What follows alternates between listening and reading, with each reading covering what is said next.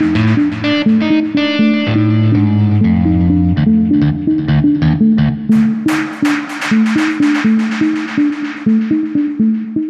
haber Kıvılcım nasılsın? İyidir Can. Senden ne haber? İyidir. Ben Frankfurt'ta, sen İstanbul'da. Evet, evet. iki ayrı yerde. Burada aslında biraz da seneyi devriyemizde aksiyon alıyoruz diyebilir miyiz sence? Ha, diyebiliriz tabii. Yani daha yaklaştık. Bir iki ay var hala. Ama e, Black Start'ın yaklaşık bir yılı dolmak üzere. Aslında fikir doğalı bir yıl oldu. Evet, evet. Geçen sene Kasım, Aralık gibi hareketlenmiştik. Ee, ama şirketi kurmamız, etmemiz derken e, Şubat sonuna kadar süre aldı maalesef. O yüzden ben aslında blackstart.io doğalı bir sene oldu diyebiliyorum çok rahat bir şekilde abi. Çünkü sonuçta domain name'i yeniledik. Ee, bu fikri de demek ki bu fikir de doğalı bir yıl olmuş ve bayağı bir şeyler yaptık bir sene içerisinde düşünüyorum. Sen ne dersin? Doğru. Ee, güzel dolu dolu bir yıl oldu. Ee, ilginç şeyler yaptık. İstersen bir önce Black Start neydi, nereden çıktı falan onlara bir girelim. Hadi Ardından bakalım. bahsederiz. Black Start ilk başta bundan yaklaşık bir 20 yıl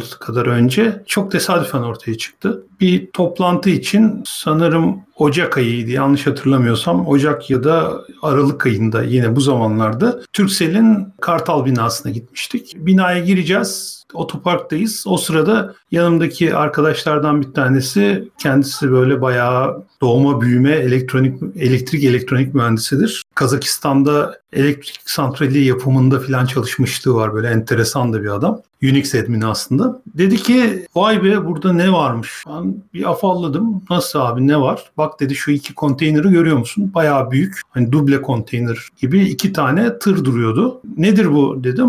Burada dedi İstanbul'un Black Start enerjisi var. O, o neymiş lan oldum. Tam da böyle 99 sonu 2000 başı hala depremin etkileri var. Hala işte biraz sarsılıyoruz falan böyle. Herkesin aklının bir köşesinde tekrar deprem olursa endişesi var. Black Start enerjisi neymiş dedim. İstanbul'da deprem olduğunda santraller akslarından motorlar çıkmasın diye muhtemelen zarar görmesin diye hemen e, üretimi durduruyorlarmış otomatik deprem sensörleri varmış. Fakat bu durduktan sonra santral türbinleri kendi kendine tekrar harekete geçmiyormuş. Küçük santrallerin e, ya da küçük türbinlerin jeneratörleri varmış ama büyük santraller harekete geçemiyormuş. Onların harekete geçmesi için önce bir küçük santralin belli bir güce erişmesi e, daha sonra diğer santrale bu gücü nakletmesi gerekiyor. İstanbul'un da en büyük santrali İstanbul'un büyük bir kısmına elektrik vermekten sorumlu santral kendi başına harekete geçememiş. Bursa'daki bir santral harekete geçmiş. İstanbul'daki küçük bir santrali harekete geçirmiş. O da diğerini harekete geçirmiş. Ondan sonra elektrik. İlginç bir hikaye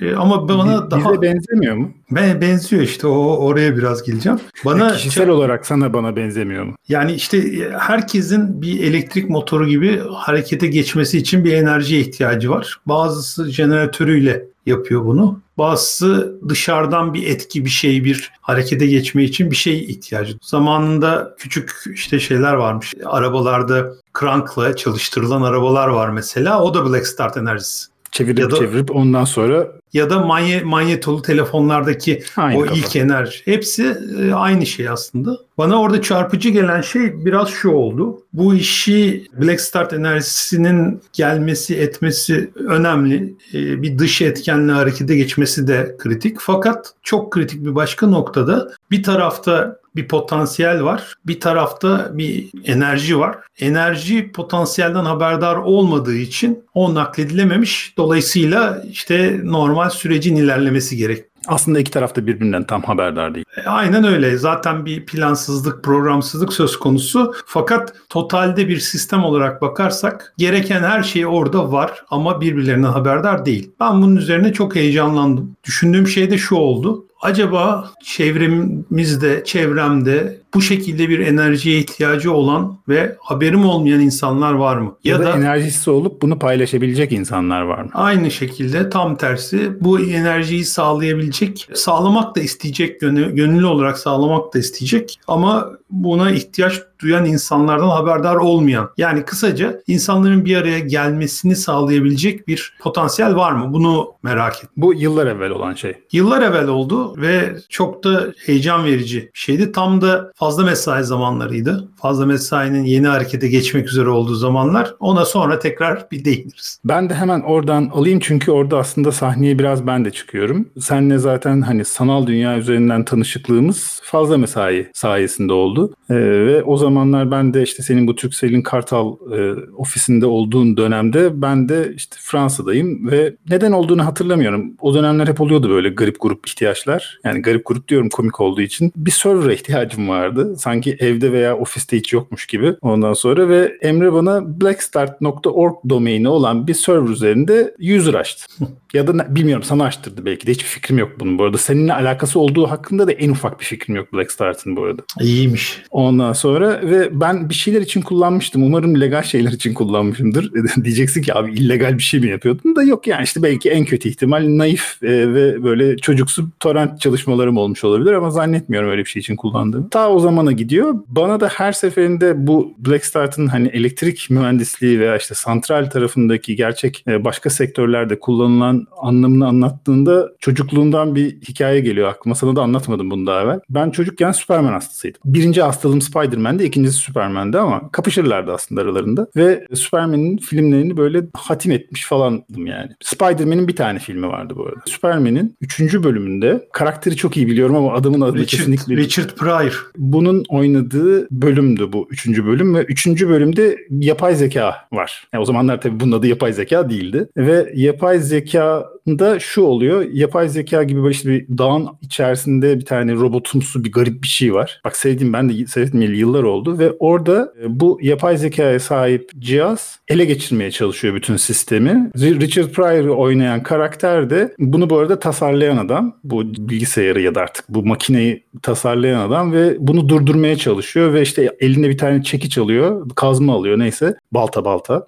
baltayla alete dalıyor. Alete dalınca işte ilk önce güç kaynağını indiriyor aşağıya. Güç kaynağını aşağı indirdiği zaman bir anda herkes kurtulduğunu zannediyor ve hemen akabinde bu cihaz bütün şebekeyi kullanarak farklı yerlerden, farklı güç kaynaklarından elektrik çekmeye başlıyor ve ayağa kalkıyor. Şimdi burada diyeceksin ki abi biz şimdi Black Start dedik de yani böyle kötü niyetli bir şeyden bahsetmiyoruz tabii de. Yapay zeka etrafında böyle bir şey olduğundan haberdar ve oradan aldığı enerjiyle sıfırdan kendi karakterini yaratıyor ve ayağa ayağa kalk. Her seferinde bu aklıma geliyor ama anlatmaya da çekiniyorum çünkü Eyvallah. Orada çok hani e, villain modunda olduğu için bana o dönemlerde hep onu anlatıyordu. Benim bugünün bugüne geldiğimiz zaman dinleyicileri de onu paylaşmış olalım. Tamam anılar ve Black Start'ın sayende bizim hayatımıza farklı bir şekilde girmesinin yanı sıra işte tam bir sene evvel ben Frankfurt'ta, sen İstanbul'da farklı inişli çıkışlı profesyonel anlamda şey, dönemler yaşıyoruz. Sen ben bir şeyler yapacağım diye çıktın ortaya. Ben de bir şeyler yapmak istiyorum ama tek başıma da cesaret edemiyorum aslında. Dibe vurdum diyebiliriz. En azından dibe vurmasak da atıl hale geldim diyebiliriz. Bu fikir bu şekilde ortaya çıktığı zaman ve sen de Black Start anılarını paylaşınca e, ben de dedim işte budur. Ve öyle bir şey oldu ki benim gözümde sen bana enerji verdin, ben sana enerji verdim diye düşünüyorum. Ne dersin? Eyvallah. Güzel. Bence gerçekten orada bir böyle hareketlenme, bir canlanma söz konusu oldu. O Black Start enerjisini en azından ortama sağladık demek ki böyle bir ortaklık, böyle bir birliktelik ortaya çıktı. Burada gerçekten böyle bir bir süredir bir şeyler yapmak için, bir harekete geçmek için atıl duran kapasiteler iki tarafta da vardı. Onu belki kendi kendimize kımıl kımıl oluyorduk ama bir türlü bir o bir harekete geçemiyorduk. Tabii. Çünkü günün sonunda bir şeyleri böyle bir kurumsal halde yapabilmek, bir yerlerle anlaşma yapabilmek, bir yere bir iş yapıp karşında fatura kesmek vesaire gibi şeyler için önceden yapılması gereken bir sürü ödev var. Gözümüzde büyüyordu her zaman için. Tabii ki en önemli kısımlardan bir tanesi de bir adanmışlık gerekiyordu. Hadi bunu yapacağım, yarın da başka şey yapıyorum diyebileceğin gibi bir şey kolay kolay değildi. O yüzden kesinlikle bir zıplama, bir atlama gerekiyordu. Onu beraber el ele verip yaptık. İyi ki de yapmışız diyorum. Kesinlikle katılıyorum. Başka neler yapıyoruz? Tamam çalışıyoruz, ediyoruz güzel ama bence dinleyicilerle sadece bu hani profesyonel yaptıklarımızın dışında beraber de yapmaya çalıştığımız, üretmeye çalıştığımız şeyler var ki bence bu podcast onlardan bir tanesi. Mesela ne yapmayı planlıyoruz? Ne an, ne düşünüyorsun? Ne hissediyorsun bu podcast veya Normal işte fatura kestiğimiz ve müşterilerimiz işte beraber çalıştığımız arkadaşlar dışında. Biz bu yola çıkarken bir değer yaratalım da nasıl yaratırsak yaratalım diyerek böyle insanlara çok romantik ya da işte çocuksu da gelebilir. Fakat romantiktik e, ama romantiyiz. Hatta dramatik taraflarımız kesinlikle var. Fakat bu yola çıkışta özellikle dönüp geçmişe baktığımda e, şunu görüyorum. Şirketi kurarken bile böyle ya bir, bir şeyler yapmaya başlayalım da görürüz gibi bir yaklaşım vardı. Hatta bunu seninle de konuşmuştuk. Hedefimiz ne olacak, amaçlarımız ne olacak filan diye konuşurken bir bakalım ya böyle aynı odada oturabilecek miyiz, aynı şeyleri konuşabilecek miyiz filan o kadar iyi anlaşabilecek miyiz ona göre bakarız deyip daha sonra aslında, ilerlemiştik. Aslında hedefimiz ayağa kalkmaktı da biz onu bence görmedik. Aslında hedefimiz ayağa kalkmaktı da biz onu ifade etmedik. Evet doğru doğru. Yani e, bu arada biz hiç aynı odada oturmadık daha. Daha önceki mesailerimizde oturduk. Ama e, bir ya süredir. Evet yani, bu bir senedir en azından Black Start kapsamında daha değil mi? Yok. Evet hiç Yok. oturmadık. Hiç Yok, oturmadık. Hiç, hiç oturmadık. Devamlı online görüşüyoruz. Ama aynı odada oturmak kısmet olmadı maalesef. Covid ile birlikte başladı Black Start. Tabii bir taraftan bakarsak. Burada şu kısım bence çok kritik ve eğlenceli. Black Start özellikle demin de bahsettiğimiz gibi bir enerji, bir hareketlilik, bir canlılık odaklı. Bunda bir değer yaratalım da nasıl yaratırsak yaratalım dememizin temel çıkış noktası da İkimizin de yıllarca kurumsal ortamlarda e, bir değer çok fazla yaratılmadan devamlı ana fikrin etrafında dolaşıldığı, metayla uğraşıldığı yerlerde bulunduk değer yarattık ama o böyle çok doğal değil demeyeceğim de sınırları vardı diyelim. Sınırları vardı. Onun dışında O sınırları da, da biz koymuyorduk. Evet. En önemli şeylerden bir tanesi oydu. Yani gerçekleşebilecek potansiyelinin çok küçük bir kısmıydı ki sektörde çalışan birçok kişi de aynı hisleri paylaşıyordur muhtemelen. Burada asıl yapsak şöyle şahane bir şeyler yaparız vesaire derken müşteriyle şöyle anlaştık o yüzden şu kadarını yapıp bırakıyoruz denilen durumlar. Ya da sırf sözleşmedeki bazı şartlara uyulsun diye küçük küçük kısımlarının yapıldığı şeyler vesaire vesaire. Ama her ne işi yapıyorsan gerçekten onu hakkıyla o işin hak ettiği gibi o, o problemin çözülmeyi hak ettiği gibi yapmayı kurumsal ortamda ancak çok şanslı bir kısmımız böyle bir durumda kalabiliyor. İşte onlar da sektörde görüyoruz zaten. İşte Google'da, Amazon'da bilmem ne de Tech Talk'larda acayip acayip işler yapan adamlar çıkıyorlar diyorlar ki ben şunu yaptım. Niye yaptım? Vallahi yapasım geldi de yaptım. Ya da şirkette şöyle bir şey yapılıyordu. Aa bu da ne kadar güzel gitmez mi dedim. Onun üzerine şirketten başka arkadaşlar da beni desteklediler. Hep beraber bir giriştik yaptık. Enfes oldu gibi şeyler oluyordu. Türkiye'de maalesef özellikle işte belli telko, bankacılık vesaire gibi sektörlerde bu tür işlerle yapılmayı hak eden işlerle karşı karşıya kalmak çok kolay değil. Eğer böyle bir iş önünüze geldiyse ve bunu keyifle bir şeyler öğrenerek, kendinizi geliştirerek yapabilecek bir ekibiniz varsa, bir takımın parçasıysanız gerçekten çok sayılı şanslı insanlardan biri oluyorsunuz. Biz onu zaman zaman sen de ben de ayrı ekiplerde yaşadık. Onun için de minnettarım ben. Ama büyük çoğunluğunda bundan uzak bir ortamdı. Dolayısıyla en sonunda dedik ki bu böyle olmayacak. Biz kendi şartlarımızda, kendi kurallarımızda, kendi tabi olacağımız gibi kendi gerçekliğimizi bir yaşatmaya, yaşamaya çalışalım. Böyle Çok çıktı. lüks lüks bir durum tabii aslında. Lüks bir durum ama meşhur fıkra var ya iki tane adamı Afrika'ya göndermişler. Ayakkabı satılır mı Afrika'ya diye. Bir tanesi demiş ki abi burada ayakkabı falan satılmaz. Burada kimse ayakkabı giymiyor. Nasıl satacağız? Pazar yok. Diğeri demiş ki mükemmel bir pazar var. Hiç kimsenin ayağında ayakkabı yok. O yüzden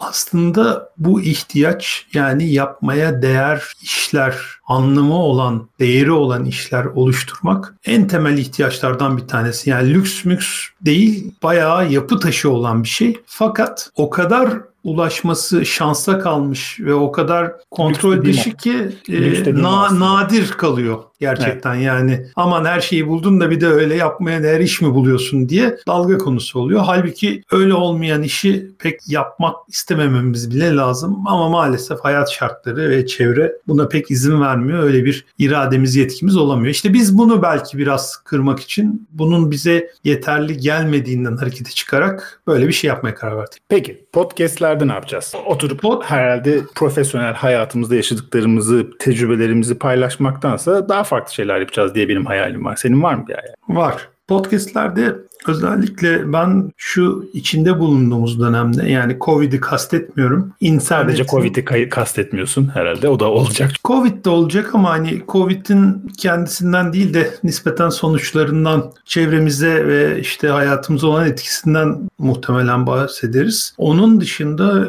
dünya sayılı devrimlerinden bir tanesini yaşıyor. İşte bilişsel devrim zamanındayız. Gerçekten 92'yi falan kabaca 92-94'ü internetin başlangıcı kabul edersek, ticari internetin başlangıcı kabul edersek bunun en devrini aldığı ve artık hiçbir şeyin interneti göz önüne almadan hareket edemediği bir çağdayız. Bunun acayip bir etkisi var. Ekonomiye etkisi var, sosyal hayata etkisi var, oyunlara etkisi var, eğitime etkisi var, bir sürü yere etkisi var ve bu etkisinin sonuçlarını yavaş yavaş görüyoruz. Dolayısıyla Black Start podcast'inde de açıkçası bu enteresan zamanlarla ilgili ilginç saptamalar, ilginç tartışmalar yapmak, başlatmak gibi bir niyetim var benim. Eğer sen de eşlik edersen e, çok eğlenceli şeyler çıkacağını düşünüyorum. Sen çok güzel ve teorik tarafını da aktardın. Bizim romantik tarafı düşünerek kısaca ifade etmeye çalışayım. Bizim normalde işte bir senedir hatta onun öncesinde Starbucks'lara gittiğimiz zaman kahve içerken ben uzun çekim double espresso'mu sen Etiyopya Sidamo. Onu içerkenki yaptığımız sohbetleri aslında paylaşmış. Tırnak içerisinde ben tartışmalarımızı paylaşmak istiyorum. Örnek vermek gerekirse Black Start'la ne alakası var diyebilirler. Aslında biraz da buyuz ya biz. O da şu geçen gün sesli olmasa da yazılı olarak kaos üzerine, kaos teorisi ve fraktaller üzerine ve de bunun arasının içindeki minik terminoloji ve bunun bizim kendi hayatımızla alakalı yansımaları üzerine bir tartışma yaptık seninle. Bunu evet. oturup tekrardan burada seslendirelim bunu işte bir tiyatro gibi bir skripten okuyalım diye söylemiyorum tabii ama bunu mesela mümkünse buradan yapabiliyor olmak bence çok keyifli olur. Hem sesli olarak senkron yapmak biliyorsun ben asenkrona karşı değilim ama senkronu heyecan heyecan duyduğum şeylerde tercih ederim. Bunu paylaşmak istiyorum. Yani kaos değil tekrar ediyorum. Buna benzer konuları dinleyicilerle sen ben dışındaki işte Black Start'a dahil olmak isteyecek, bizimle beraber hareket etmek isteyecek, enerji almak isteyecek arkadaşlarla paylaşmak istiyorum bu ortamda. Evet, evet. Böyle daha önce beraber çalıştığımız iş arkadaşlarımız da özellikle işte Ümraniyeti ve başındaki mesailerimiz sırasında meydana sık sık gidip orada yaptığımız kahve sohbetlerinde bizler gibi düşünen böyle etrafına biraz şaşkınlıkla, biraz heyecanla bakan birçok mühendis arkadaşımız vardı. Onlara onlarla olan beyin jimnastiklerimiz işte etrafta olan o değişimi yaşarken hissettiklerimiz yavaş yavaş buna şahit olmak. Mesela meşhur Bitcoin'den ilk bahsedildiği zamanları hatırlıyorum. Böyle hiç kimse dönüp bakmamıştı. Ama ah, bir, bir tane alsaydık ya. Bir tane alsaydık ya. Ama bir arkadaşımız bin dolarlık almış işte. Ee, evet. Şu anda kendisine ulaşmaya çalışıp beceremedik sanırım. Milyonlarca dolarla uzakta bir yerde. O dönemde gerçekten uzun uzadıya ve benim çokça Seinfeld'e benzettiğim tartışmalarımız, konuşmalarımız oluyordu. Hı hı. İşte Seinfeld'de de aslında hiçbir şey hakkında bir dizi ama her şeyden bahsediliyor ve özellikle de bir modern büyük bir şehirde New York'ta gündelik hayat ve insanların nasıl etrafa savrulduğu ile ilgili bir diziydi. Biz de orada İstanbul'da Türkiye'nin teknolojik başkentinde mühendisler olarak bir telco firmasında çalışan mühendisler olarak işimizi yaparken bir taraflara savruluyorduk ve bu savrulmayı da minimuma indirmek için sohbetler ediyorduk anlamaya yönelik işte birbirimize birbirimizden beslenmeye yönelik böyle sohbetlerimiz oluyordu. İlginç de konular konuşuluyordu. Hepimiz o to sohbetlerden çok keyifler aldık. Onlara benzer sohbetler yapmak ben de çok isterim. Mesela bence şeyi kesinlikle yapmalıyız. O zamanlardan hatırladım da o yüzden bunu söylemeden geçemeyeceğim. Covid zamanında biz her zaman bunu 2005 miydi? 2006 yok 2005-2006 olamaz. Bu söylediğim 2009 onun 2009 ya da 10 civarı olması lazım. Senle ben çok iyi hatırlıyorum. Bahsettiğin meydan alışveriş merkezindeki Starbucks'ta oturup senin meşhur defterlerinden bir tanesinin üzerinde işte uzaktan çalışmayla alakalı konuştuğumuzu, bunun işte ne gibi etkileri olacağını çok iyi hatırlıyorum. Biz bir sene evvel beraber çalışmaya başladık tamamen uzaktan 3000 küsür kilometreden. Şansımıza bütün dünyada ve şanssızlığımıza da bütün dünyada paralel bir şekilde çalışmaya başladı. Bunu bir konu yapabiliriz diye düşünüyorum. Güzel ee, konu.